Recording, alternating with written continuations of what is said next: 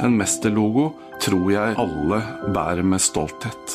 Du får en bil som er ti år gammel, stått i sola, fargen har blitt falma. Den skal du kunne lage en farge som stemmer. Det er et helt unikt håndverk, og det er veldig få som behersker det. Finn din mester blant 70 håndverksfag på mesterbrev.no.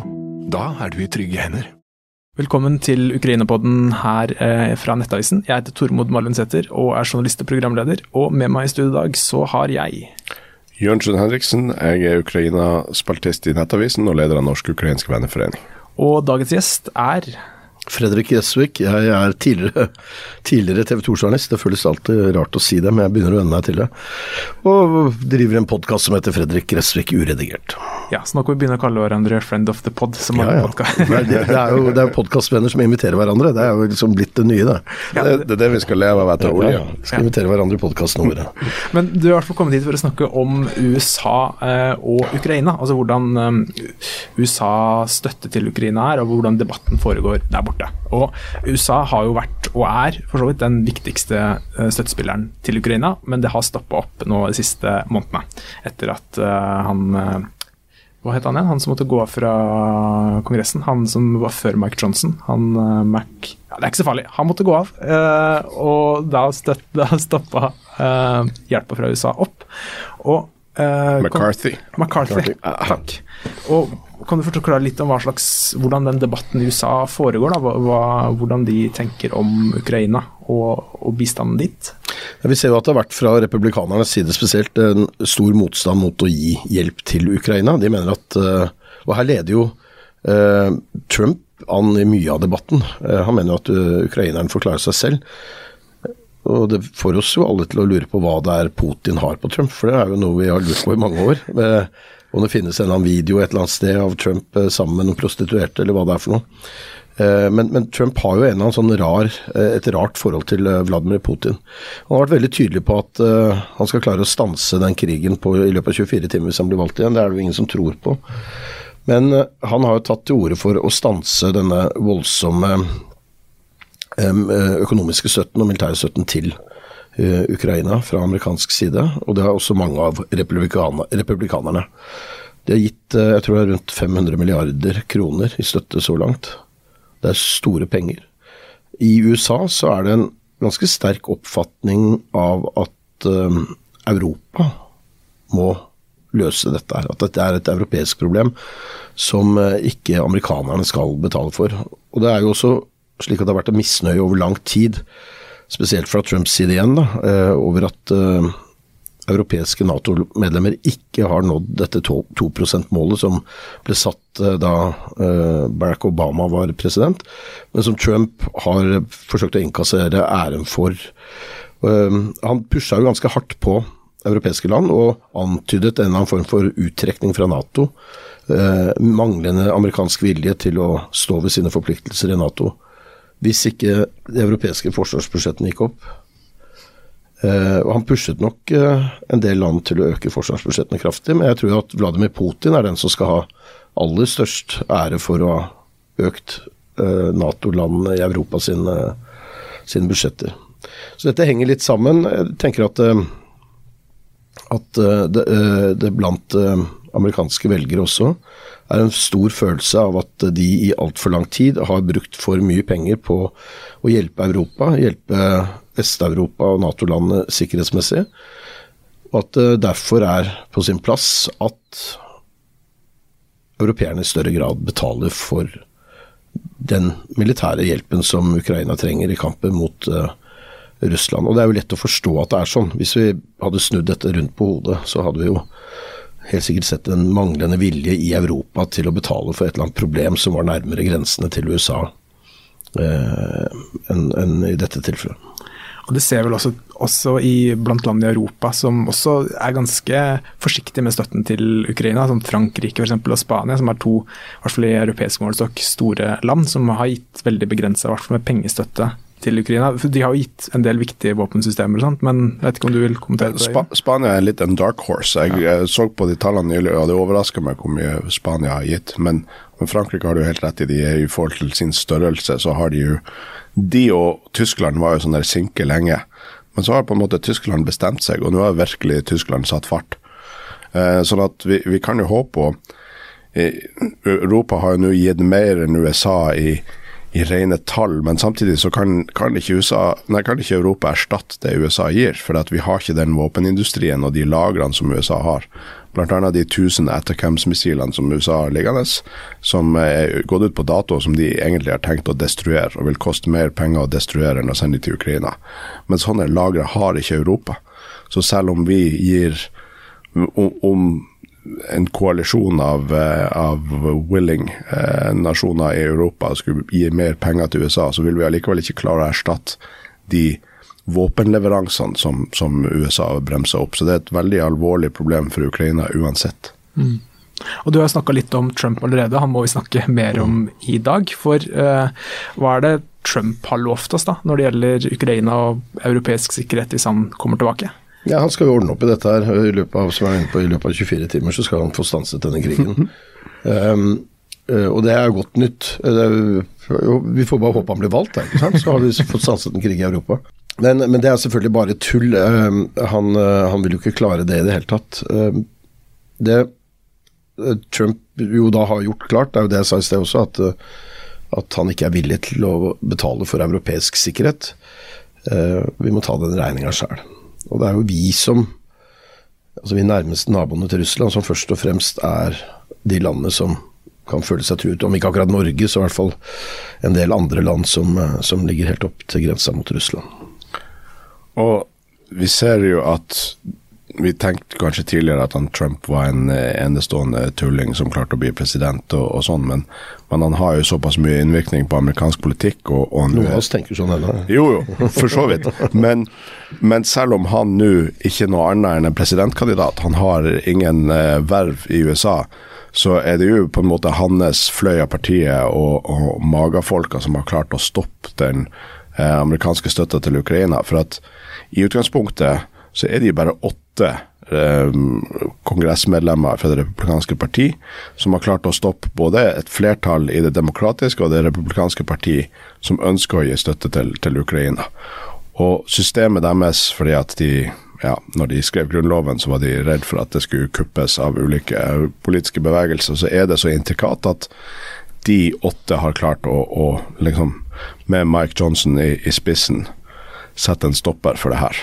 Um, bare for at Biden får ikke vedtatt de, de pakkene han ønsker for å, å, støtte Ukraina. Og Det er jo et tydelig tegn på at vi kanskje i Europa må ta det Fredrik sier, veldig mye mer alvorlig og sørge for vår egen sikkerhet, satse på Forsvaret, bygge opp både egen kapasitet og, og, og forsvarsindustri. For at om Trump forsvinner, så tror jeg det her er noe som har befesta seg i amerikansk politikk og ikke kommer til å forsvinne selv om Trump forsvinner.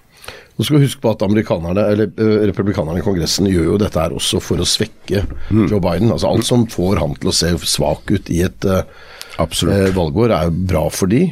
Um, så jeg tenker at det er en del taktisk spill her. Det kan hende at det, dette snur etter valget. Og vi får se hvordan Kongressen blir, eller Representantenes hus blir satt sammen etter uh, etter valget i november. Eh, det kan jo hende at dette snur totalt, og at det vil igjen åpne seg en vilje til å betale. Men så kan det også være slik at hvis vi går inn og ser på um, krigen i Ukraina, hvordan den går framover nå, så er, står det jo forholdsvis stille. Det er uh, en front i øst, og de rykker fram og tilbake. og det, det er jo uh,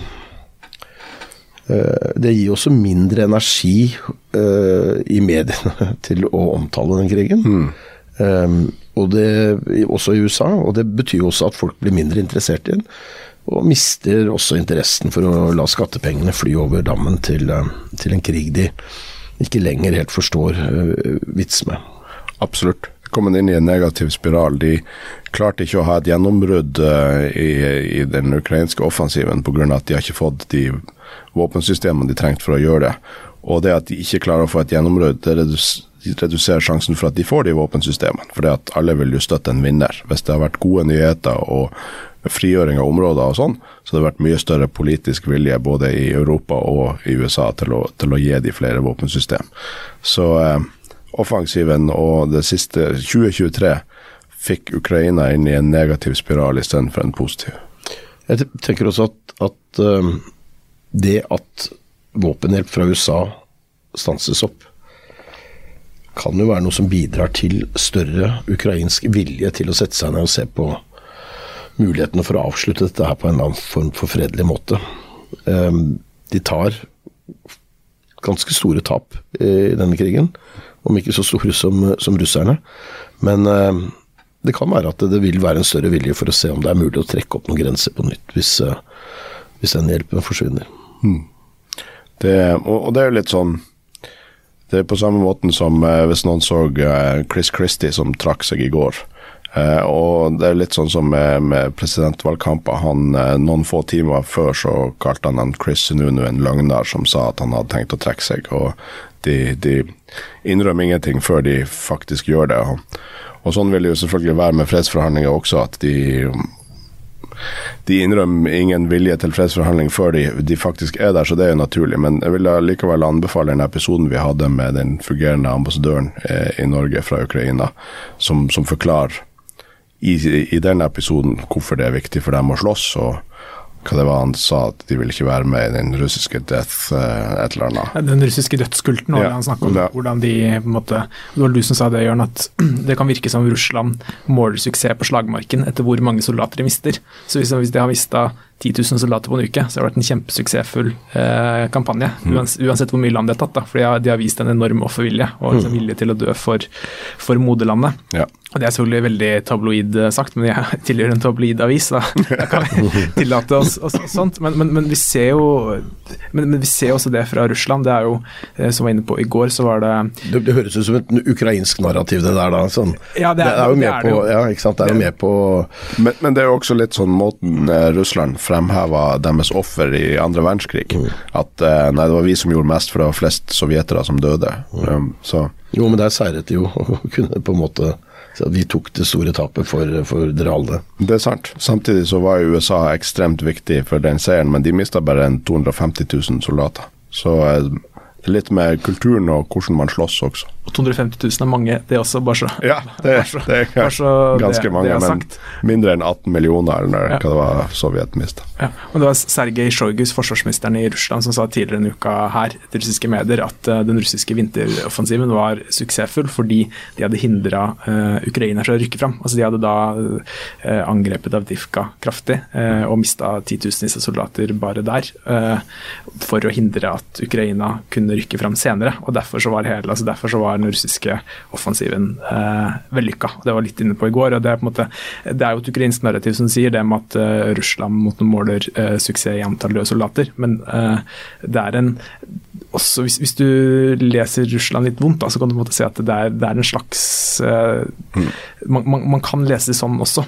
Ja, men, men, men det de ukrainerne gjør ved å understreke dette, er jo også å peke på at russerne ikke bryr seg om sine egne. Um, og det har, jo, det har jo Putin vist at han ikke gjør. Altså, han er jo villig til å ta enorme tap. Um, og jeg må si jeg er ganske overraska over at ikke motstanden mot uh, krigen i Ukraina er mye større i Russland enn den er. Jeg hadde trodd uh, når vi så på de eh, ganske tidlige krigen, at det var store tapstall.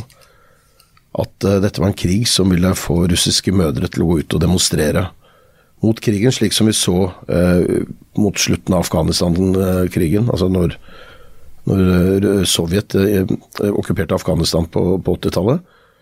Og eh, i, i Tsjetsjenia-krigen, hvor eh, når det, det kom hjem så mange sinkkister med døde soldater at eh, mødrene gikk ut og demonstrerte mot, eh, mot dette her. Men så er det jo det da, at hatt denne gangen så har man kanskje passet litt eh, ekstra på å ikke sende soldater fra byer som St. Petersburg og Moskva.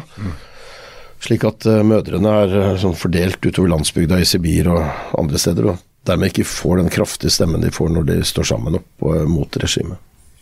Ja, og det er jo der vi alle har tatt feil. Jeg trodde jo også at det at For at vi, vi prøvde jo på en måte, eller Ukrain, det ukrainske narrativet der også var på en måte å måle suksess i antallet drepte russiske soldater. At, at hvis det, og, og de sa jo det sjøl, de trodde at hvis de bare påførte russerne store nok tap, så vil de stoppe. Men det viser seg jo at uh, det gjør de jo ikke. Det er en strategi som ikke har funka. De må aktivt kastes ut av Ukraina hvis eh, krigen skal stoppe. Jeg tror Putin har sin egen logikk, eh, følger sin egen logikk, som er vanskelig å forstå. Ja. Hva det skyldes, vet ikke jeg. Nei, altså i Peter den store og Ivan den grusomme og, og de her, altså De hadde sikkert også store tapstall, men 100 år senere, 300 år senere, så det er ingen som husker det. De bare husker de territoriene de vant. Så kanskje du tenker at Putin har en eller annen sånn drøm om å stå igjen i historien ja. Ikke sant? som en av de store krigerne. Ja, Det er jo på en måte det Novorossia, det nye den Stor-Russland, som er, er, en greie blant russiske ultranasjonalister. At på en måte, det russiske imperiet skal tilbake til sine gamle høyder. Da. Og Sovjetunionen på, på sitt største og enda, enda større er liksom det, man, det, som er forbildet for mange. Og så, så det er jo, det er jo en greie i Russland med å tenke sånn at Russland skal være en stormakt makt. Men jeg, jeg, kan jo, jeg, jeg, kan jo, forstå det ønsket blant uh, veldig mange russere. Uh, Sovjet tapte den kalde krigen, eller østblokken tapte den kalde krigen. Og uh, jeg føler jo at vi i Vesten danset på, på graven til, til østblokken. Jeg gjorde det helt som faktisk fysisk i Berlin etter at muren Så var jeg på en Roger Waters-konsert uh, der hvor veggen, der hvor muren hadde stått, altså The Wall-albumet som ble spilt av masse kjente artister. Og da, da sto vi og danset på, på resten av, av, muren. Men jeg tror at den dette ligner litt på det uh, seierherrene etter første verdenskrig gjorde i forhold til Tyskland. Uh, hvor man var altså ila Tyskland så store begrensninger på, på, å bestemme selv over sitt eget forsvar og hvordan de skulle eh, drive landet sitt, at, eh, at, eh, det vokste fram et slags hat mot resten av Europa. Og det hatet tror jeg er ganske utbredt også i tidligere Sovjetunionen, eller i Russland. Ja, og det, det er nok ekstra sårt fordi at, fordi at de, de som dansa aller mest, det er jo de som var en del av den østblokka. altså polakkene og Estland og Latvia og Litauen og, og tidvis Romania og Ungarn og sånn, så, som danser ekstra hardt på den grava, eh, og opplever at det kryper nærmere og nærmere. Um, ja, altså disse blir Nato-medlemmer. Det er klart ja. at det gjør vondt for uh, tidligere sovjetgeneraler, i hvert fall.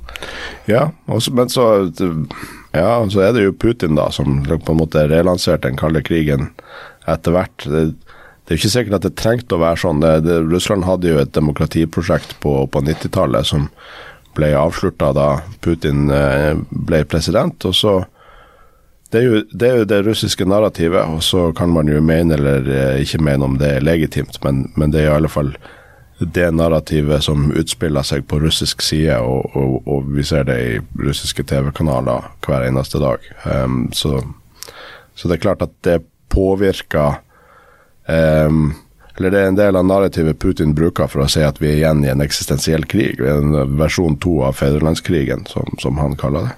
Jeg må si, jeg var, Sist jeg var i Russland, det er lenge siden, det var da Putin ble valgt første gang. Oi. Ja, I mars 2000. Eh, da hadde han jo sittet som president i et par-tre måneder. Um, men det var en slags altså Når han tok over først eh, etter Jeltsin, og Jeltsin gikk av pga. sykdom, uh, og så ble valgt, så var det jo en lett letta følelse i Europa over at mm. nå, nå, var det en, først og fremst en edru mann da, som satt ved roret. Ung og dynamisk, ja, og sikkert eh, liberal. Men han hadde jo all den bakgrunnen som burde gjort at man burde vært litt mm. sånn skeptisk til dette her. Eh, med sin KGB-bakgrunn eh, og sånne ting. Og spion mot Vesten. Men han Altså, jeg hadde aldri trodd i mars 2000 at vi skulle sitte og snakke om president Putin et kvart århundre seinere. Ikke sant. Men det første, eller det første skikkelige tegnet fikk vi vel altså Du hadde andre Tsjetsjenia-krigen, men også når Kursk gikk til bunns. Eh, og um, de, Ubåtene som sank mm. oppe i nord et sted? Barentshavet. Ja. Og de banka på skroget, og det var tydeligvis eh, fortsatt eh, marinegaster som var i live inni den ubåten. Eh, hvorpå Putin bare fortsatt ferien sin ved Svartehavet og ikke reist hjem. for at ja, han har vist uh, forbausende liten uh, evne til uh, empati med, med, både de soldatene han sender ut i krigen, de soldatene som omkommer Dette var jo en ulykke, da, ja. med Kursk. Men, og med familiene til de som, som blir drept. Hmm. Og eh, Det er jo valg i Russland i år, men det er, du, det er ikke det vi skal prate mest om i dag. Det er jo også valg i USA. Og Hvem, altså, hvem er det som er president da i USA om et år, tror du Fredrik? Har ikke peiling. Nei, altså jeg har jeg, jeg må si, jeg sa i 2018, når Nikki Haley trakk seg fra Trumps regjering Hun satt som statsråd der. eh, Hun var FN-ambassadør, og det er en statsrådspost i, i USA. Eh, så trakk hun seg.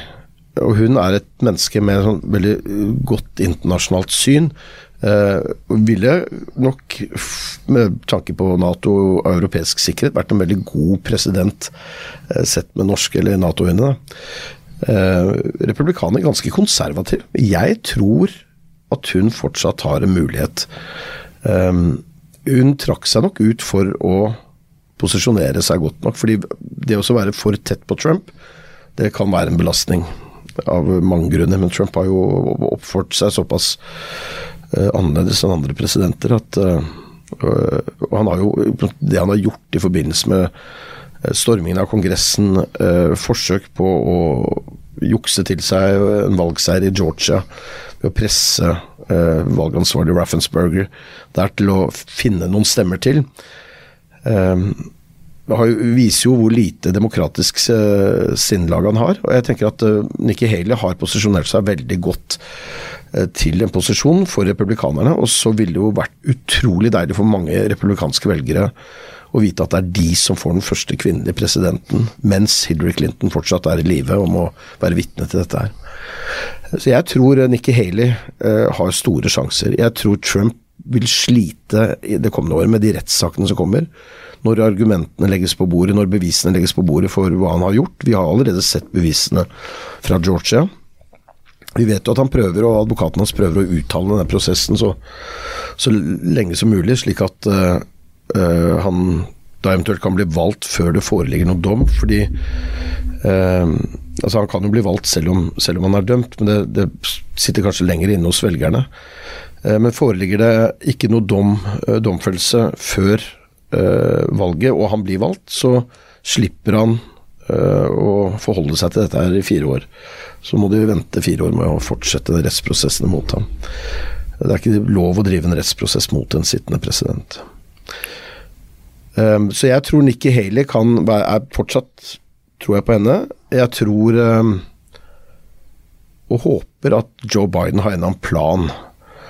Og at planen hans har vært å ikke stille i eh, Altså egentlig ikke stille for fire år til. Altså Tenk dere at vi risikerer, da, hvis Joe Biden skulle bli valgt, at om fem år fra i dag, så er Joe Biden fortsatt USAs president. Og det er jo ikke bra for demokrati, det er ikke bra for USA, det kan ikke være bra for noen andre. Eller i hvert fall ikke for Joe Biden. Jeg fulgte han tett i valgkampen i 2020. Han var energisk, full av energi. Spratt opp på scener og trapper og sånn. Vi har jo sett bildebevis på at han er utrolig dårlig på det akkurat nå. Han er han ble en gammel mann, akkurat som vi la merke til de grå hårene som dukket opp på Barack Obamas hode i løpet av det første året han satt som president. Så ser vi jo at det har vært et eh, fysisk forfall når det gjelder Joe Biden. Så jeg tenker at uh, vi kan håpe på at hans strategi har vært å holde andre uh, sterke demokrater unna eh, unna valgkampen ved å blokkere dem ved å si at han skal stille i fire år til, slik at ikke de tør å stille, eller uh, komme med sitt kandidatur, for så å la Camela Harris tre fram nå. For hun er jo den som da per i dag ville ha den sterkeste plattformen. Hun gjorde en veldig bra figur, syns jeg, da, uh, i 2020. Hun var liksom min favoritt. Hvis jeg, ha, hvis jeg hadde vært amerikaner og kunne valgt, så tenker jeg at jeg ville hatt henne. Men uh, amerikanerne turte jo ikke å gå for noen andre enn Joe Biden, fordi uh, det, alt tydet jo på at han var den som var sterkest i forhold til Trump, og ville klare å slå Trump. Men skal Trump og Biden stå mot hverandre i november, så skal altså Trump klare å lokke tilbake svært mange velgere som Altså disse velgerne som da kan stemme republikansk eller demokratisk. Og, og jeg kan ikke se for meg hvordan Trump skal klare å få de velgerne tilbake. Det er klart at Biden kan skyve en del fra seg. Og skulle det komme et eller annet rart øh, med Biden, altså skulle han virkelig vise en eller annen form for svekkelse fysisk eller mentalt i løpet av øh, opp, øh, altså oppløpet i valget, mot valget, så kan jo det være totalt ødeleggende for ham. Ja, Nei, men det, Du fikk ikke noe svar, egentlig? da. Jo, men det er- Jeg holder en knapp på Nikki Haley. Ja, Det er eh, musikk i, i mine ører, for jeg har også hatt veldig tro på, på, på Nikki Haley. Og jeg hadde litt sånn teori om at eh, For det var mange analytikere som når, når Trump tapte i 2020, som sa at ja, nå mista han noe av kraften sin, for nå har han dødsstanken på seg, for han er en taper. Han har tapt et valg, og det er ingen amerikanere som liker det. Og så har han jo, han er jo magisk på at han klarer å holde seg sjøl i rampelyset og være aktuell. og, og Men, men bare, lite innspill. Han, problemet er jo at republikanerne tror ikke at han har tapt. Nei, De tror at han vant, Ja. så Absolutt. han har klart å lure dem. Eh, og, men jo, det som er interessant, er at i, eh, i mellomvalget nå sist så gjorde det demokratene mye bedre enn frykta. Eh, og i off-year-valget som var nå i, eh, i 2023 i Virginia og Kentucky, så både gjorde demokratene det bedre enn eh, mange trodde, men også blant republikanerne så gjorde Trump-støtta kandidater det mye dårligere enn man forventa. Sånn at selv om han leder på meningsmålinger, som jo faktisk er naturlig for en tidligere president som stiller som, som kandidat, så er det ting som tyder på at han kanskje ikke har den samme kraften i valg som han trodde. Nå på, på mandag så er det caucus i Iowa. Jeg tror at Vest krysser fingrene, for jeg som deg, Fredrik, vil leve veldig godt med Nikki Haley som president.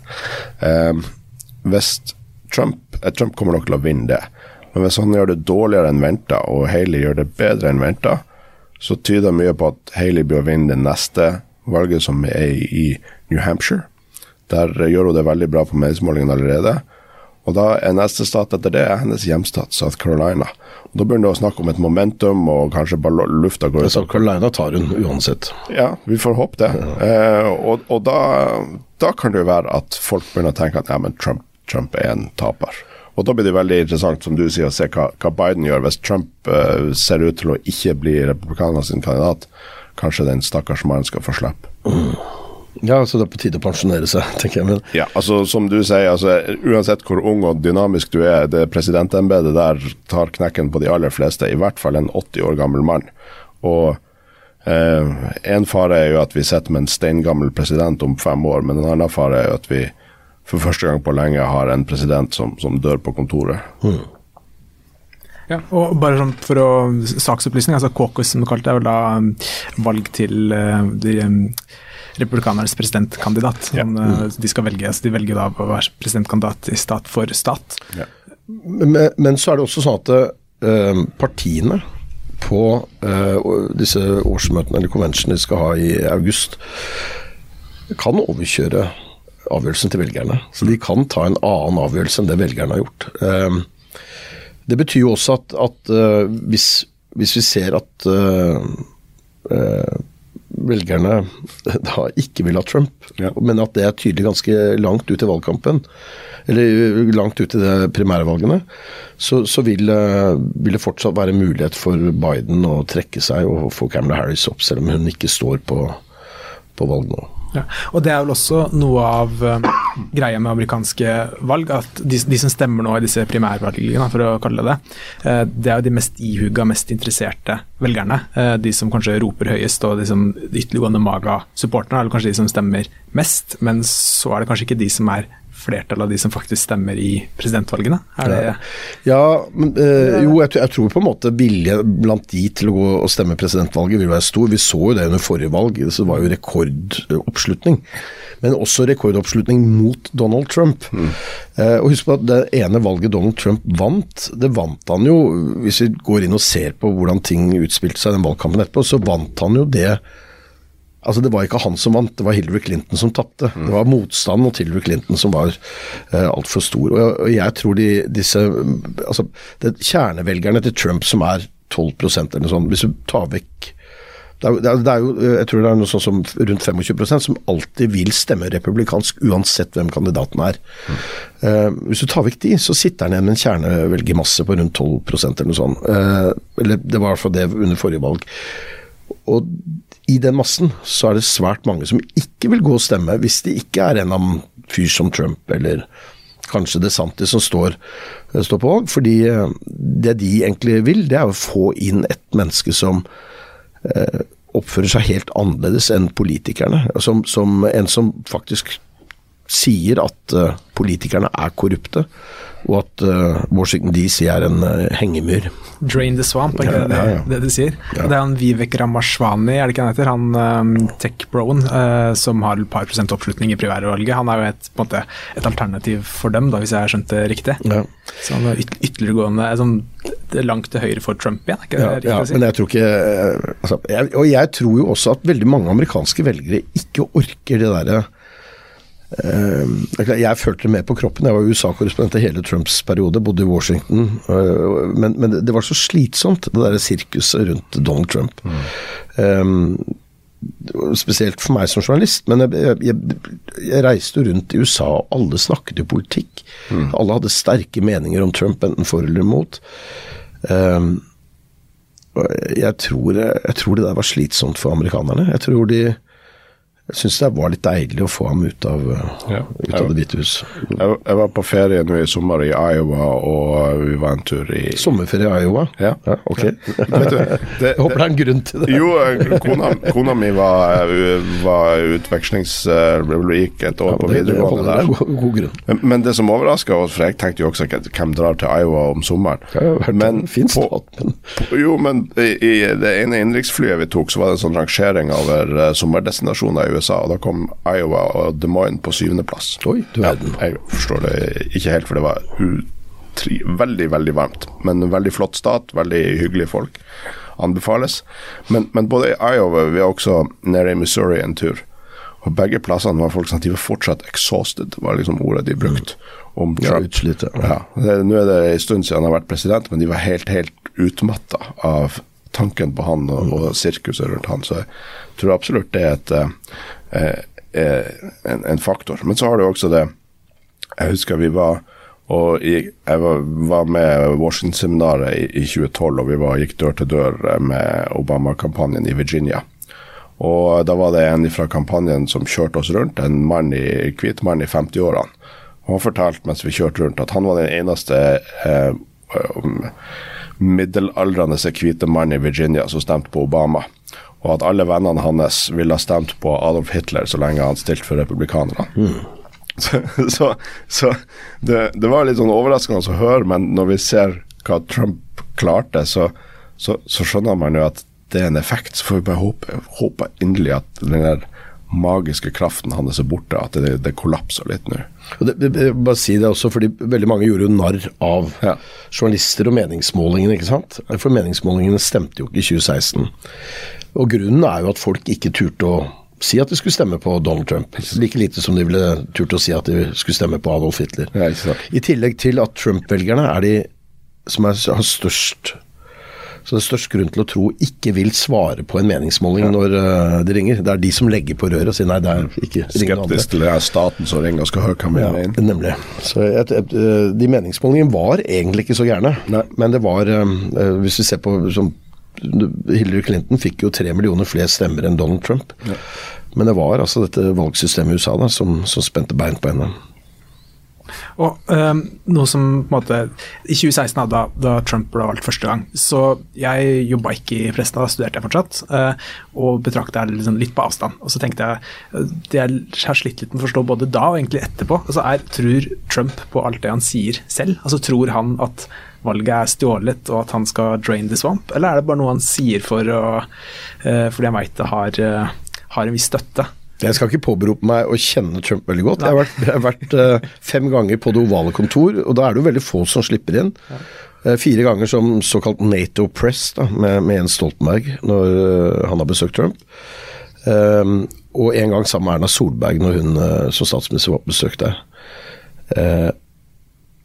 Og både det jeg har sett av intervjuer, det jeg har sett på folkemøter, når han står og snakker til Jeg tror jeg har vært på over 20 folkemøter med ham. En forferdelig opplevelse. Det er liksom en god grunn til ikke å være USA-korrespondent. Og slippe å gå på de folkemøtene med Donald Trump. Um, men han framstår ikke, verken da på folkemøtene, i media eller på det ovale kontor, som en spesielt smart og strategisk type. Det kan godt hende han er det, men jeg tror faktisk ikke det. Er, vi snakker altså om en mann som kaster hamburgertallerkenene sine i veggen på det ovale kontor han blir sinna. Med to anledninger skal han ha gjort det. Ehm, jeg tror ikke det er en stor strategi. Jeg tror han tror på sine egne løgner. Ehm, det er så mange av det. Jeg tror ikke han skjønner forskjell på virkelighet og, og altså, Jeg tror ikke han skjønner hva som er sant og ikke. Um, jeg minner meg om en situasjon i serien Seinfeld, når, uh, når uh, tror det er Jerry som spør George Costanza om råd om hvordan han kan slå løgndetektoren. Og han, George sier bare at du vet, det er ikke en løgn hvis du tror på det sjøl. Mm. ja, det, det er bare Nei, jeg, jeg, tror han er så altså Husk på, dette er en mann som sto på under pandemien, da, så han, han ble jo helt desperat. Fordi øh, økonomien gikk jo til helvete, eller den gikk i hvert fall nedover. Uh, folk mista jobbene sine, og han skjønte jo at det er jo dette som kommer til å knekke ham. Så han, han, ja, han sa jo at dette bare er tull, og mannen ble jo alvorlig syk selv også. Nektet å teste seg. Men han står på en pressekonferanse i Det hvite hus og eh, sier at kanskje man kan drikke litt klor, altså blekemiddel, fordi det skal hjelpe. Eller kanskje man kan få litt sol inn i kroppen. Jeg får jo masse bilder i hodet av hvordan man skal sole i innsiden av kroppen, eh, som ikke er pene. men, men, men, det er altså eh, han, han, er så ute da i forhold til hvordan andre mennesker tenker. Eh, men han er jo valgt som president, og det er klart at det gir en voldsom selv, selvtillit. Eh, og i hans tilfelle så var det hakket for mye, tror jeg. Ja, og det var jo flere som døde etter å drakk, at de, ja, ja, det var jo sant, ja. på oppfordring fra presidenten selv. Men er, han får som fortjent. men er eh, tiden til USA som på en måte verdens suverene stormakt, er den på en måte litt på hell? Er den, er den forbi nå? Er det du har jo krigen i Gaza som de skal stri med, de har krigen i Ukraina, og det rører litt på seg Sør-Amerika med Venezuela som ypper til kamp mot Guyana. Nå har vi akkurat sett et slags kupp i Ecuador. Det er, det er, mye som foregår også i USAs bakgård. Eh, de sliter med å bli enige med seg selv om bare med å vedta budsjettet for USA. Altså, har vi, har vi sett eh, det beste av USA? Eh, ja, det kan godt være, men jeg, jeg, tror ikke det er grunn til å altså Det er jo fortsatt uh, verdens desidert sterkeste stormakt. Eh, om ikke den eneste stormakten, eller det er jo andre økonomiske stormakter. Men eh, jeg tenker at eh, den manglende interessen, eller den, den, minkende interessen for Europa og europeisk sikkerhet, eh, ikke bare på republikansk side, at den, den vil gjøre seg mer tydelig i årene framover. Eh, og så ser vi også når det gjelder krigen i, i Midtøsten, Gaza, så ser vi jo nå at Biden sliter veldig, fordi unge demokratiske velgere de har veldig liten sans for den bombingen som palestinerne ble utsatt for. Um, vi vet jo at demokratene har hatt veldig stor støtte blant uh, amerikanske jøder. Og det har vært en veldig viktig uh, velgergruppe for dem. Uh, det har snudd litt nå, og republikanerne har jo på en måte mer Tidligere så var ikke de spesielt interessert i Midtøsten. Det, var en demokratisk greie, men, men så så vi jo at under George Bush jr. så fikk, fikk de erkekristne, konservative amerikanerne De fikk, fikk øynene opp for, for, George Bush, og han skjønte at hvis han spilte Israel i riktig retning, så, så kunne han få tak på disse velgerne som han trengte. Ja, mens, mens, faren hans var, når han var president Det går ikke arv, men det er jo sånn det har vært. da, eh, George Bush eh, senior, han, eh, han var jo veldig tettere på de arabiske statene. Eh, blant annet eh, eh, altså som følge av Gulfkrigen 1991, hvor han klarte å samle en ganske sterk koalisjon med arabiske land. Og Han kutta jo pengesekken til Israel på et tidspunkt også, for mm. å presse de i forhold til bosettinger og, og, sånne ting. Så det var et veldig skifte fra far til sønn i, mm. i, i Israels politikk. Men ja, det er spørsmålet om, om USA sin hegemoni er over. og Um, jeg tror ikke noe på det sjøl. Altså, den største konkurrenten til USA er jo Kina. Og de har jo laga et par eh, hangarskip hjemme nå som, som, ikke er i bruk, fordi at kvaliteten på metallet de bruker er så dårlig at eh, hangarskipdekket har kollapsa av sin egen vekt. Altså de, de, de, er ganske langt unna. Altså ja, de er en økonomisk stormakt, men de er ganske langt unna å være en, en militær stormakt på, i nærheten av et nivå av det USA. Men, men det hjelper ikke oss, hvis, som Fredrik sier, hvis USA har mista interessen for Europa. Hvis amerikanerne uh, blir mer og mer uh, introvert og, og, og, ikke er villige til å bruke av sin militærmakt for å holde oss trygge, så er det et, et like stort problem for oss, uavhengig av hvor sterke de er. Men Europa er et viktig marked for uh, USA og amerikansk eksport, så litt tak har vi jo på det. De har jo stor interesse av å ha gode venner i Europa. Det er sant, og det er et veldig underkommunisert poeng. For at USA har brukt mye penger på, på krigen i Ukraina, men de har tjent enda mer. De har, eh, Hvis eh, Biden får gjennom den store hjelpepakken til Ukraina nå, så, så viser beregninga at da går de omtrent i null. For at selv om Den hjelpepakken var på 60 milliarder dollar, hvis jeg husker riktig. Ikke sant. For selv om de har sendt mange våpensystem til Ukraina, den største effekten av det er jo at de har visst hvor effektive de er. sånn at masse europeiske land og også andre land har begynt å kjøpe systemene deres. F.eks. Um, um, HIMARS-systemet, som, uh, som, Ukraina har fått noen og tyve av. Uh, Polen har bestilt 200. Flere andre land har bestilt også. Bradley stormpanservogner ble for siste gang produsert i California i 1991.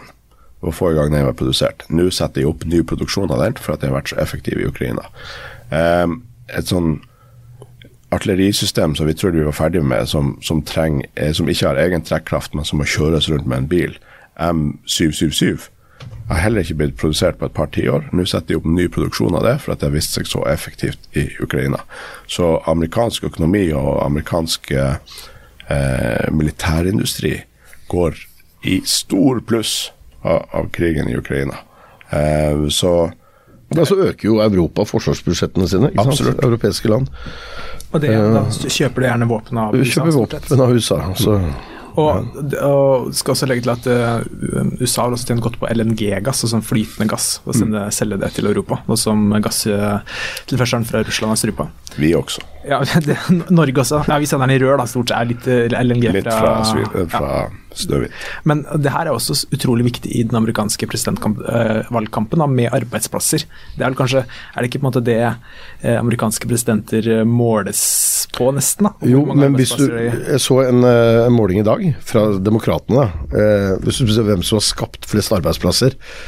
Uh, av uh, Joe Biden og hans republikanske forgjengere fra, fra, Reagan opp til i dag, så er det desidert flest arbeidsplasser som er skapt under eh, Joe Biden. Mye av det skyldes jo selvfølgelig at mange arbeidsplasser gikk tapt eh, under pandemien, og så har de kommet opp igjen. Eh, at det bare var midlertidig greie. Så Demokratene sier at disse arbeidsplassene har Joe Biden skapt. Det har han nok ikke, men som følge av økonomiske konjunkturer og enden på en pandemi, så har det i hvert fall blitt skapt veldig mange arbeidsplasser. Så det er jo tall som taler godt for Joe Biden. Og Trump kan ikke vise til like gode tall som, som dette mens han var president, selv om han kan si at det var pandemien som tok knekken på, på økonomien den gangen. Men her har jo Biden et problem, og, det er jo noe som både er blitt forklart i, i, serien The West Wing, men som også Clinton skrev om i sin uh, selvbiografi. At uh, i Norge så kaller vi det bare politikk, men på, på, engelsk så har de et skille mellom politics og policy. Der politics er liksom det som skjer i, i media og, og valgkampen og, og, hvem som gjør det bra, sånn, mens policy er liksom den faktiske politikken om hvordan ting endrer seg. Og selv om Biden har ekstremt positive tall å vise til, så oppfatter ikke amerikanerne det sånn. Persepsjonen er annerledes enn de faktiske tallene.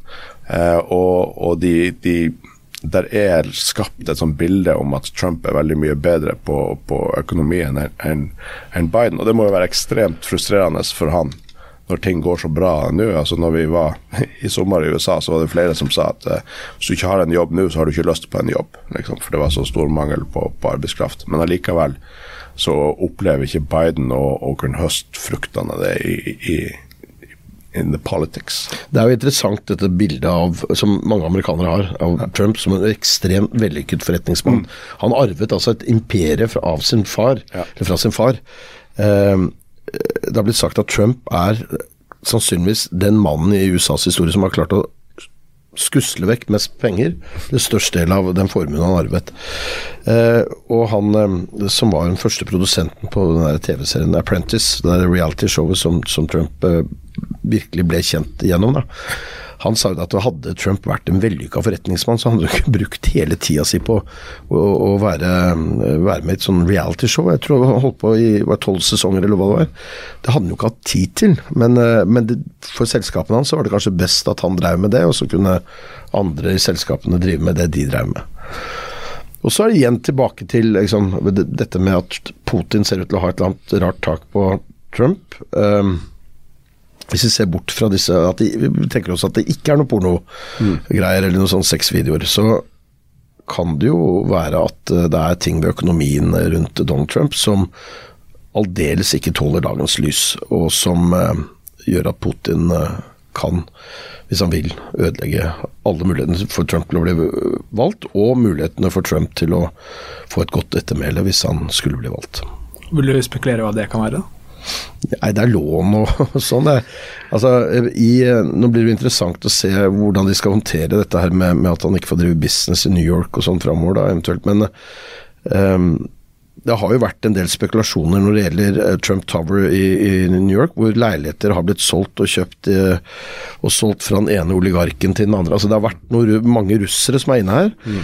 Uh, hvem er det egentlig som eier det bygget? Er det, er det Trump, eller er det de som eier leiligheten, og hvem er det som eier disse leilighetene, og hvor kommer de pengene fra?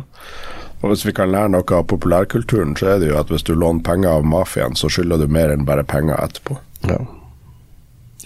Og uh, tror du Trump rekker å bli tiltalt før, før valget? Det er jo flere rettssaker pågående. Ja, jeg tror jo det. fordi de, de, visste jo, de etterforsket jo disse mens han fortsatt var president, noe av dette her.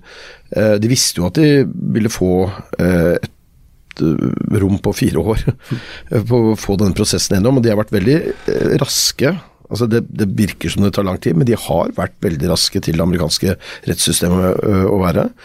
Så det er en stor vilje til å få disse sakene gjennom før, han, før valget i november.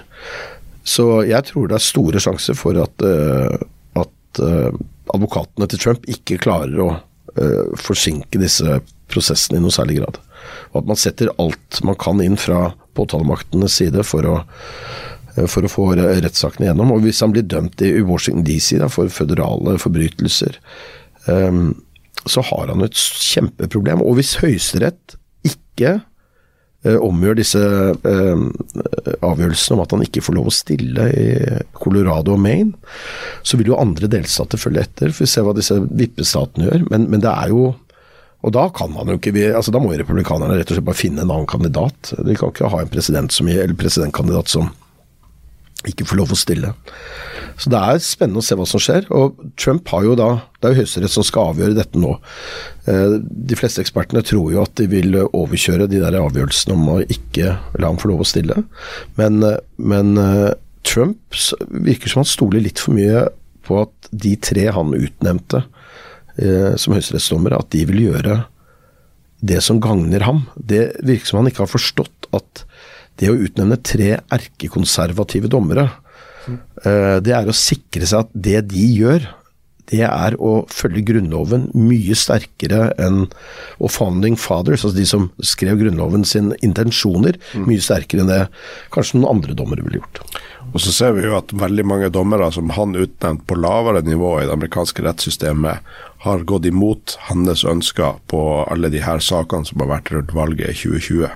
Så eh, mange av de ja, han klager over det. Ja, og, og de er jo Han har ikke skjønt det. De er jo abortmotstandere, men kanskje ikke enig med han om så veldig mye mer enn det. Vet du hva, jeg tror både disse tre høyesterettsdommerne og mange av de andre føderale dommerne eh, sliter med at de er utnevnt av nettopp Donald Trump. Ja. Altså At de syns det er pinlig at Donald Trump av alle er den som har utnevnt dem.